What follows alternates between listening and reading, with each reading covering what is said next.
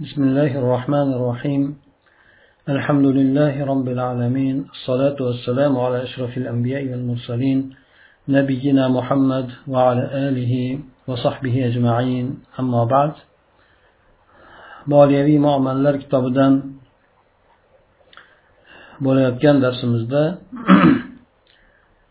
shirkatlar bobidan aksiyalar masalasiga kelib to'xtagan edik hamda aksiyalarni tanishtiruv bilan o'tgan haftada e, dars qilib chiqdik. Endi esa o'sha banklarni aksiyalar bilan bo'ladigan muomalasi haqida e, bugungi darsda aytib o'tiladi. Hop kelib to'xtagan joyimiz tamvil shiroil ashum deb e, degan masalada ekan. Ya'ni aksiyalarni sotib olishda moliyalashtirishlik ya'ni bank tomonidan shaxslarni moliyalashtirishlik mavzusi. Muallif aytadiki تقوم المصارف بتمويل المستثمرين في الأسهم بحيث يتمكنون من شراء أسهم بأكثر من المبالغ التي عندهم وهذا التمويل على نوعين الأول التمويل بالقرض بأن يقرض يقرض المصرف العميل مبلغا من المال ليشتري به أسهما وهو محرم لأن القرض يرد بفائدة. ثانيا التمويل بالمرابحة بأن يشتري المصرف أسهما معينة ثم يبيعها يبيعها على الأميل بالأجل بربح معلوم وهو مباح لأنه من المرابحة للواعد بالشراء التي سبق الحديث عنها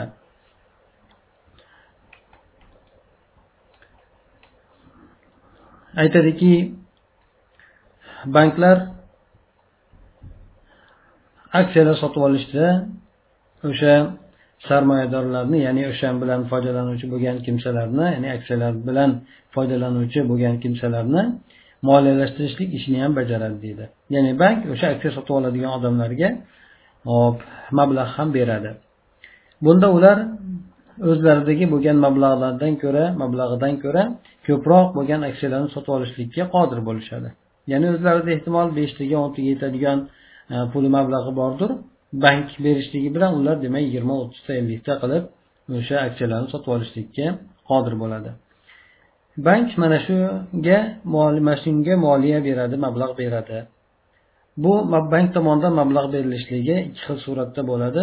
Ya'ni bank tomonidan mablag' berishligi boshqa shaxs tomonidan ham mablag' berishligi bilan farq qilmaydi. Chunki qarz berishlik ikki xil suratda bo'ladi deb aytyapti. Moliyalashtirishlik birinchisi qarz suratida moliyalashtirishlik ya'ni mablag'ni qarzga berishlik. Bunda bank o'zini mijoziga bir muayyan bir mablag'ni beradida unga keyin aksiyalar sotib oling deb aytadi. Ya'ni aksiyalar sotib olishligi uchun muayyan bir mablag'ni ya'ni pullarni beradi. Bunday qilishligi bankni harom bo'ladi. Sababi nimaga? Chunki bank bergan mablag' albatta qarz foyda bilan qaytariladida ha bank shunchaki bir xolisona bermaydi. Mablag' pul beradigan bo'lsa uni foydasi bilan oladi. Shuning uchun o'sha yerda bank aksiya sotib olishlik uchun beradigan bo'lsa undan aksiyalar sotib oladigan bo'lsa bunday qilishligi harom bo'ladi. Chunki bankka mablag'ni qaytarayotgan paytda foyda bilan qaytarishligiga to'g'ri keladi. Ikkinchidan ikkinchi suratda shunday bo'ladiki bu bir narsa murobaha yo'li bilan ya'ni murobaha ma'lumki bir narsani sotib olib uni o'zini foydasini ustiga qo'yib turib keyin foydasini aytib turib sotishlik endi bu murobaha deyiladi. Shunday suratda moliyalashtirishlik. Bunda bank muayyan bir aksiyalarni sotib oladi. Sotib olib turib keyin keyin o'sha mijozga nasiyaga ma'lum bir foydani qo'yib turib sotadi endi. Ya'ni aksiyani o'ziniki qilib sotib oladida keyin mijoziga nasiyaga sotadi haligi aksiyalarni bir muayyan bir mablag'ini ustiga foydani qo'yib turib endi. Bunday qiladigan bo'lsa bu mubohdir haloldir. Chunki bu yuqorida gapirib o'tilgan o'sha bir narsani sotib olishlikka va'da qilgan odamga o'sha narsasini foydasini qo'yib turib sotishlik suratidan bo'ladi. Buni yuqorida aytib o'tilgan edi ya'ni bir narsani sotib oladida sotib olib bering desa bo'pti sotib oladi bo'pti men sotib olaman deb va'da qiladi shundan keyin sotib olib turib ustiga narx qo'yib unga sotadi o'sha yerda kelishuv bo'ladi. Mana shu suratdan bo'ladi deb aytilyapti.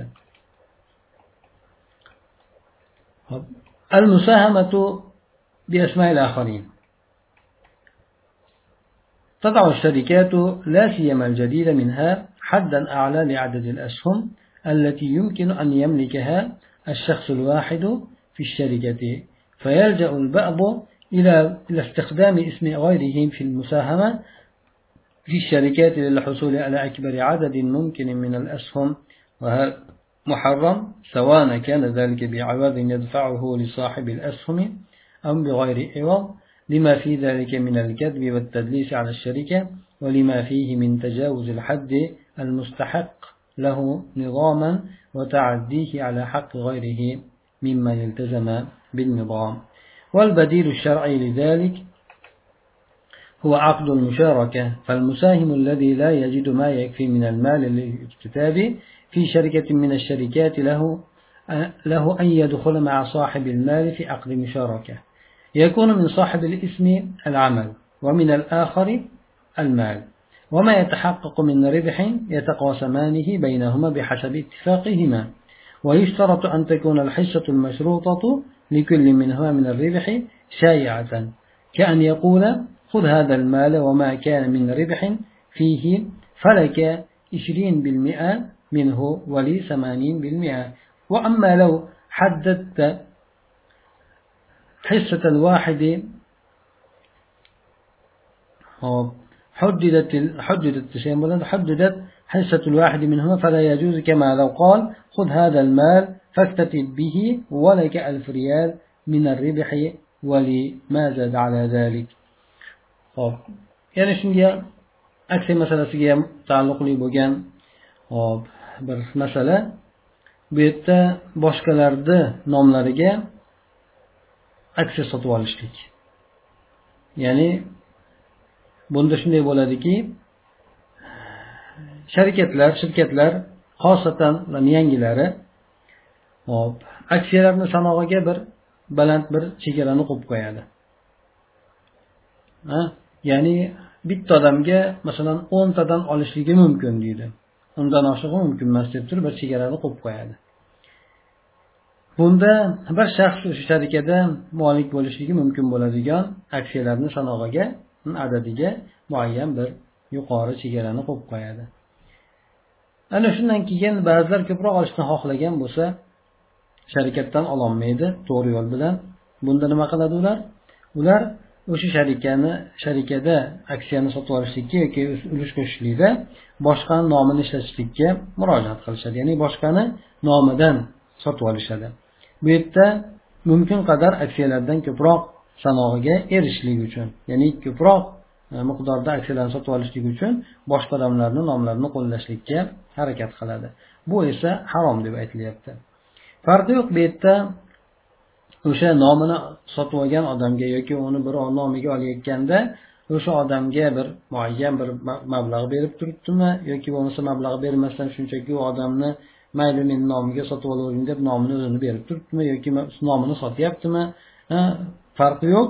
Bunda shunday qilishligi mumkin emas.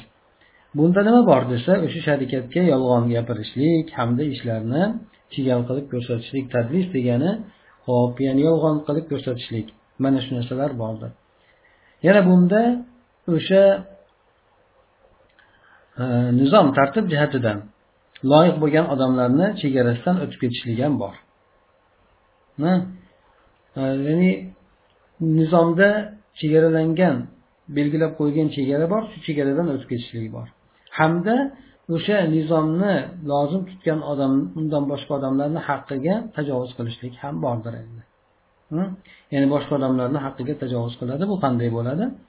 Hop bu yerda masalan aytaylik navbat bilan olishayotgan bo'lsa har bitta odamga beshta beshtadan o'ntadan olayotgan bo'lsa bu odam e, boshqalarni ham o'sha bir odamni noloyiq bo'lgan odamni yoki ochlik xohlamaydigan odamni nomiga olib turib boshqa odamlarga zarar berishligi mumkin bo'ladi. Boshqalarni haqlariga tajovuz qilishligi mumkin bo'ladi. Shuning uchun birovni haqqini o'zini qilib olishlikka harakat qilishlik mumkin emasdir deydi.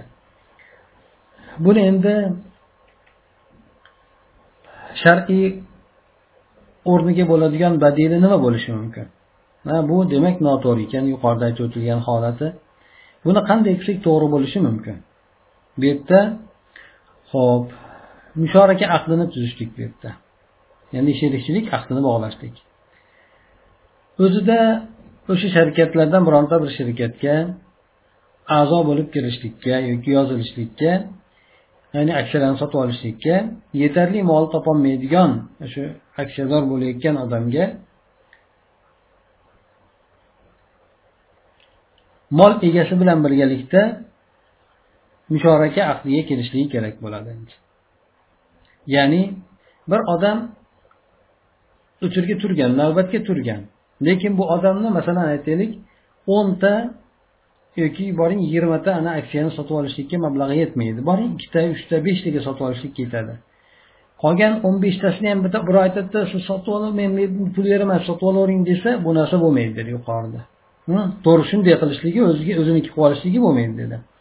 Buni o'rniga nima qilish kerak desa buni o'rniga agarda xohlaydigan bo'lsa o'sha odam o'zini nomiga oladida u odam bilan muzoraba aqdiga kiradi endi haligi mablag' berib turgan odam o'sha aksiyalarni sotib olayotgan odamga sheriklik ahdini tuzadi bu yerda nom egasi tomonidan amal bo'ladi endi. Ya'ni u odam o'sha narsalarni sotib olib o'zini nomiga sotib oladi.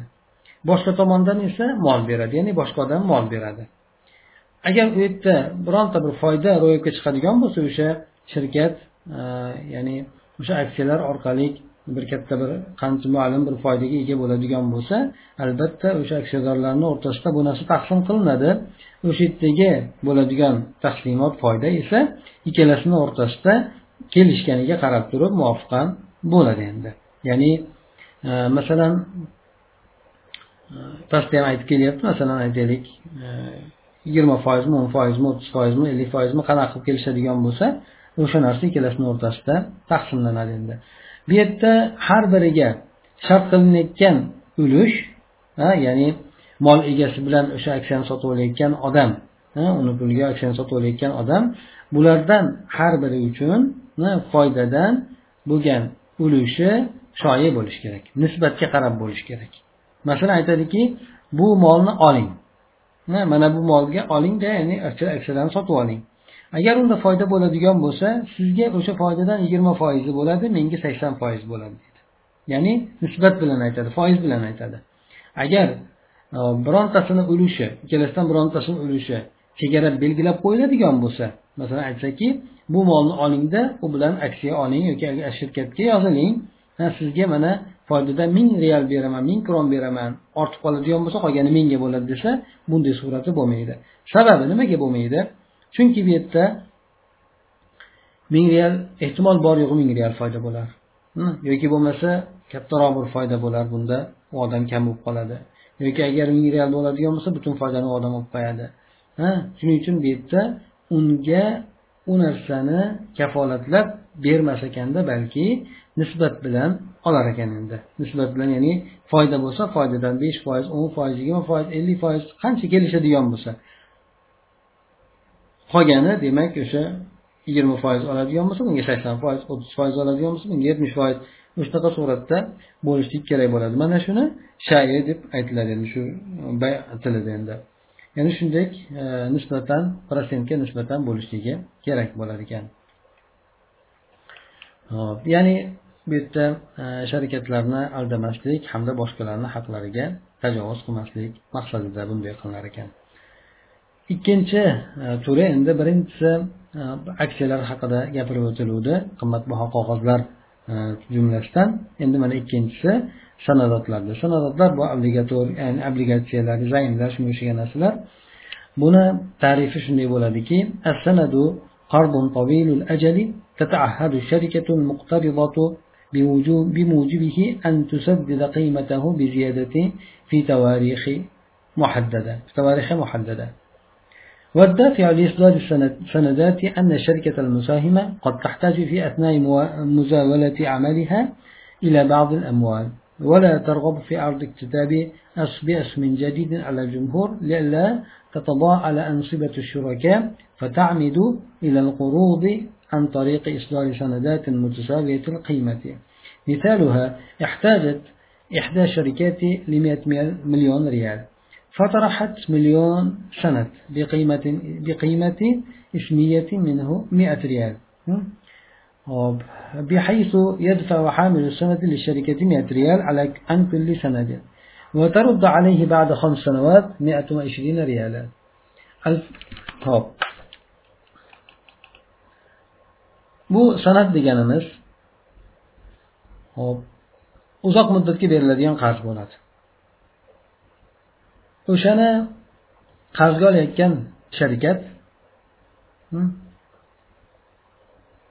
muayyan bo'lgan tarixda uni ziyoda bilan ziyodasi bilan o'sha qiymatini ziyoda bilan to'latishligi yoki qoplashligi lozim bo'ladi.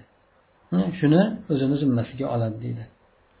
Ya'ni bu yerdagi obligatsiya deganimiz san'at deganimiz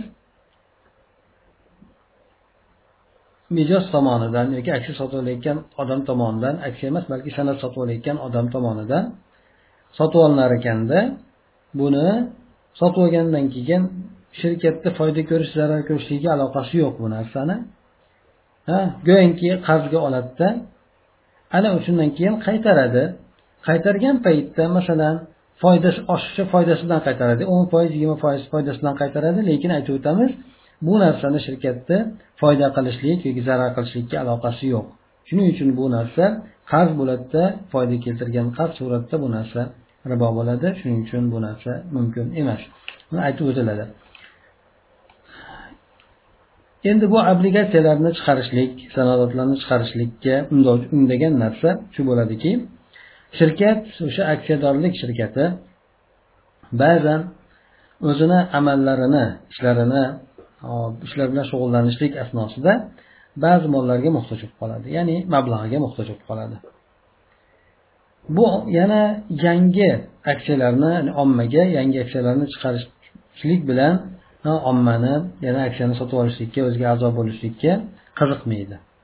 Doimki bu yerda o'sha aksiyaga sherik bo'lib kirgan odamlarni ulushlari nasibalari kamayib ketmasligi uchun. Ya'ni bu yangitdan aksiya chiqarib sotadigan bo'lsa unda o'sha sharkatga kirgan odamlarga taqsim qilinadigan foyda kamayib ketishi mumkin endi. Masalan aytaylik yuz kishi a'zoyu ikki kishi a'zo bo'lganligiga qarash endi. Bo'ladigan demak e, yuz kishiga har biriga mingdan to'g'ri keladigan bo'lsa ikki kishi turgandan keyin yarmiga tushadi besh yuzga tushadi. Shuning uchun demak kamayib ketib qoladi. Shuni xohlamasdan hmm, lekin mablag'ga muhtoj endi. Bunday bo'lishligini ham xohlamaydi endi. Bunda nima qiladi? Hop o'sha qiymati bir xil bo'lgan obligatsiyalar qimmatbaho qog'ozlarni chiqarishlik yo'li orqali qarz olishlikka qasd qiladi endi. Buni misoli deydi shirkatlardan birisi hmm, million real yoki million kronga muhtoj bo'lib qoldi. O'shanga yuz realdan yuz million realga muhtoj bo'lib qolibdi yana yuz million realga muhtoj bo'lib qoldida yuzta e, millionta yuz reallik bir qiymatda hop o'sha sanoatlarni yoki obligatsiyalarni chiqardi endi. Bu yerda o'sha obligatsiyani olgan odam shirkatga har bitta obligatsiyasidan yoki zaymadan yuz krondan beradi yoki yuz realdan beradi. Shirkat esa u odamga masalan besh yildan keyin bir yuz o'n realdan yoki bir yuz o'n kraldan qilib qaytarib beradi. Ya'ni yuziga o'n qo'shib beradi. Mana shunday bo'lgan surati demak aytib o'tdik. Bu narsa mumkin emasdir. Chunki bu foyda keltirgan qarz suratdan bo'ladi. Endi aksiya bilan sanoatlarni o'rtasidagi bo'lgan farqlar. Demak ikkalasini yuqorida tarifi o'tdi. Aksiya nimayu sanoat nima? Bu ikkalasini ham demak shirkka chiqarar ekan. Birisini o'ziga ulush qilib o'sha foyda zararga qo'shib yuborar ekanda. Ikkinchisi esa faqatgina foyda qaytarishlikka zarar sherik qilmasdan foyda eh, o'sha mablag'ini kafolatlashlik hamda uni ustiga foyda qo'shib berishlik suratda bo'lar ekan. Shuning uchun buni bo'lmaydi deb aytildi. Endi buni o'rtasidagi bo'lgan farqlar. Aksiyalar bilan sanoatlarni o'rtasidagi bo'lgan farqlar. Birinchidan السند يمثل دينا على الشركة ويعتبر صاحبه دائنا للشركة بينما السهم حصة من رأس المال ويعتبر صاحبه شريكا. ثانيا السند يعطي صاحبه حقا في فائدة ثابتة سواء ربحت الشركة أم خسرت. أما السهم فإن حامله معرض معرض للربح والخسارة. ثالثا عند تسلية الشركة يكون لصاحب السند الأولوية في الحصول على قيمة السند. أما صاحب السهم فلا يأخذ شيئا إلا بعد تصفية السندات وقضاء الديون. رابعا السند لا يعطي صاحبه حقا في حضور الجمعية العمومية للشركة أو بالتصويت أو الاشتراك في إدارة وغير ذلك مما يستحقه صاحب السهم. خامسا لحامل السند أن يحصل على قيمته عند انتهاء الأجل المتفق عليه أما السهم فلا ترد قيمته طالما أن الشركة قائمة والسبب الوحيد للحصول على قيمته يكون ببيعه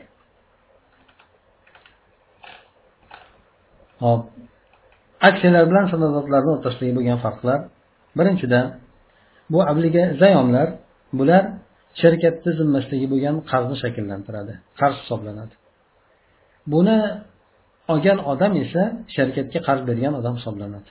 Sotib olgan emas balki qarz bergan odam hisoblanadi. Aksiya esa bu o'sha kapitaldagi ya'ni e, sharikatni kapitali yoki o'sha qo'yilgan mablag'idan bir ulushi bo'ladi. Masalan e, shirkat e, yuz millionga pichilgan bo'lsa o'sha sotiladida aksiya qilib sotiladi o'shani olgan odam o'sha yuz milliondan muayyan bir qismga ega bo'ladi. Ya'ni bu odam go'yoki o'sha dastmoyaga o'shanga ishlatilgan dastmoyaga ulush qo'shgan odam sanaladi. Va uni sohibi esa o'sha aksiyani sotib olgan odam esa sherkatga sherik deb e'tibor qilinadi. Ikkinchi farqi bu zayom o'zini sohibiga muayyan bir foydani olishlikka huquq beradi. Bu yerda farqi yo'q. Sharkat shirkat foyda qiladimi yoki zarar qiladimi? Albatta uni oladigan foydasi sobitdir. Ammo aksiya bo'ladigan bo'lsa uni ko'targan odam uni sotib olgan odam foyda yoki zararga ko'ndarang bo'ladi. Hmm? Foydaga uchrashi mumkin zararga uchrashi mumkin. Uchinchidan esa shirkatni hisoblab chiqilgan paytida tekshirib hisoblab chiqilgan paytida ya'ni u bankrotga uchraydimi xullas yopiladimi? Mana shu yerda uni mollarini hisoblab chiqqan paytida hop zayom olgan odamga o'sha bergan qarzini qiymatiga erishib olishligida birinchilik huquqi beriladi. Birinchilik huquqi beriladi ya'ni boshqalardan avval o'sha bergan o'zini qarzini undirib oladi endi. Ammo sahm ulush e, aksiya egasi esa biron narsani olmaydi. Illo hop sanadotlarni ya'ni o'sha qarzlarni e, nima zayomlarni e, to'liq to'lib olingandan keyin qarzlar ado etilgandan keyin ana undan hisoblab chiqilib shu narsalar berilgandan keyin ya'ni aksiyador bo'lgan odam foyda qilgan bo'lsa foydadan zarar qilgan bo'lsa zarardan deb qilib qoplaydi yoki oladi. To'rtinchi farqi zayom bu o'zini sohibiga o'sha jamiyatni hozir bo'lishligi ya'ni majlislar kelishuvida umumiy jamiyat yig'inlarida hop ishtirok etishlikka huquqi bermaydi. Shirkatni majlislari yig'inlarida ishtirok etishlik huquqini bermaydi. Yoki bir ovoz berishlik bilan bo'lsin yoki idorani boshqarishlikda ishtirok etishlik bilan bo'lsin bu odam faqat qarz bergan odam xolos. Unda sherik emas ishtirok etmaydi. Shuning uchun bundan boshqa o'sha aksiyador bo'lgan odam hissador bo'lgan odam haqli bo'ladigan boshqa e, imkoniyatlarga bu odam ega bo'lmaydi endi.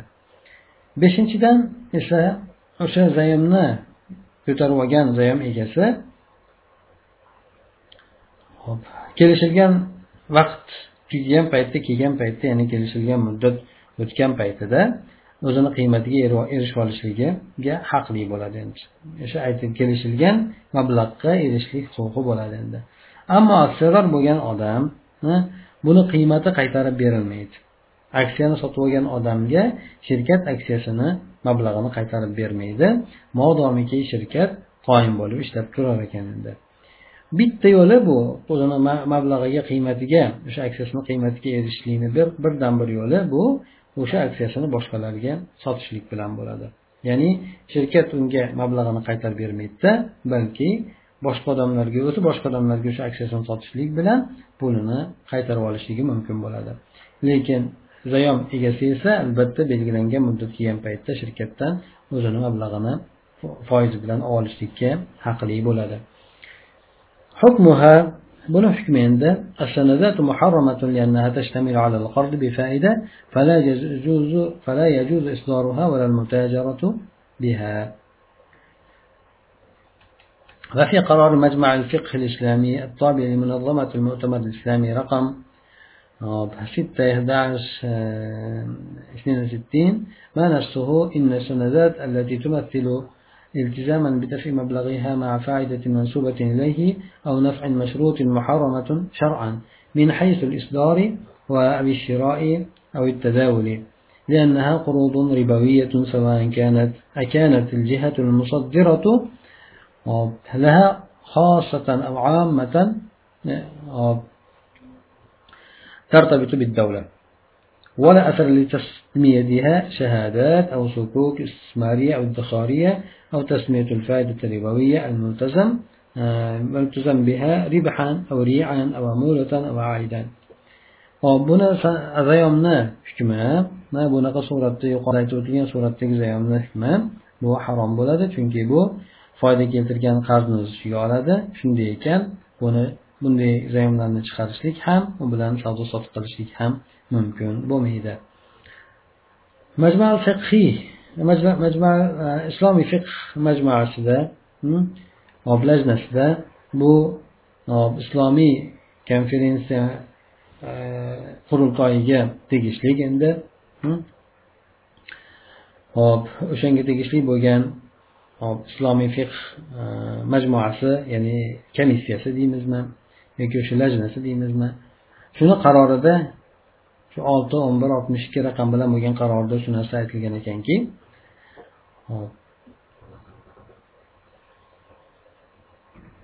mablag'ini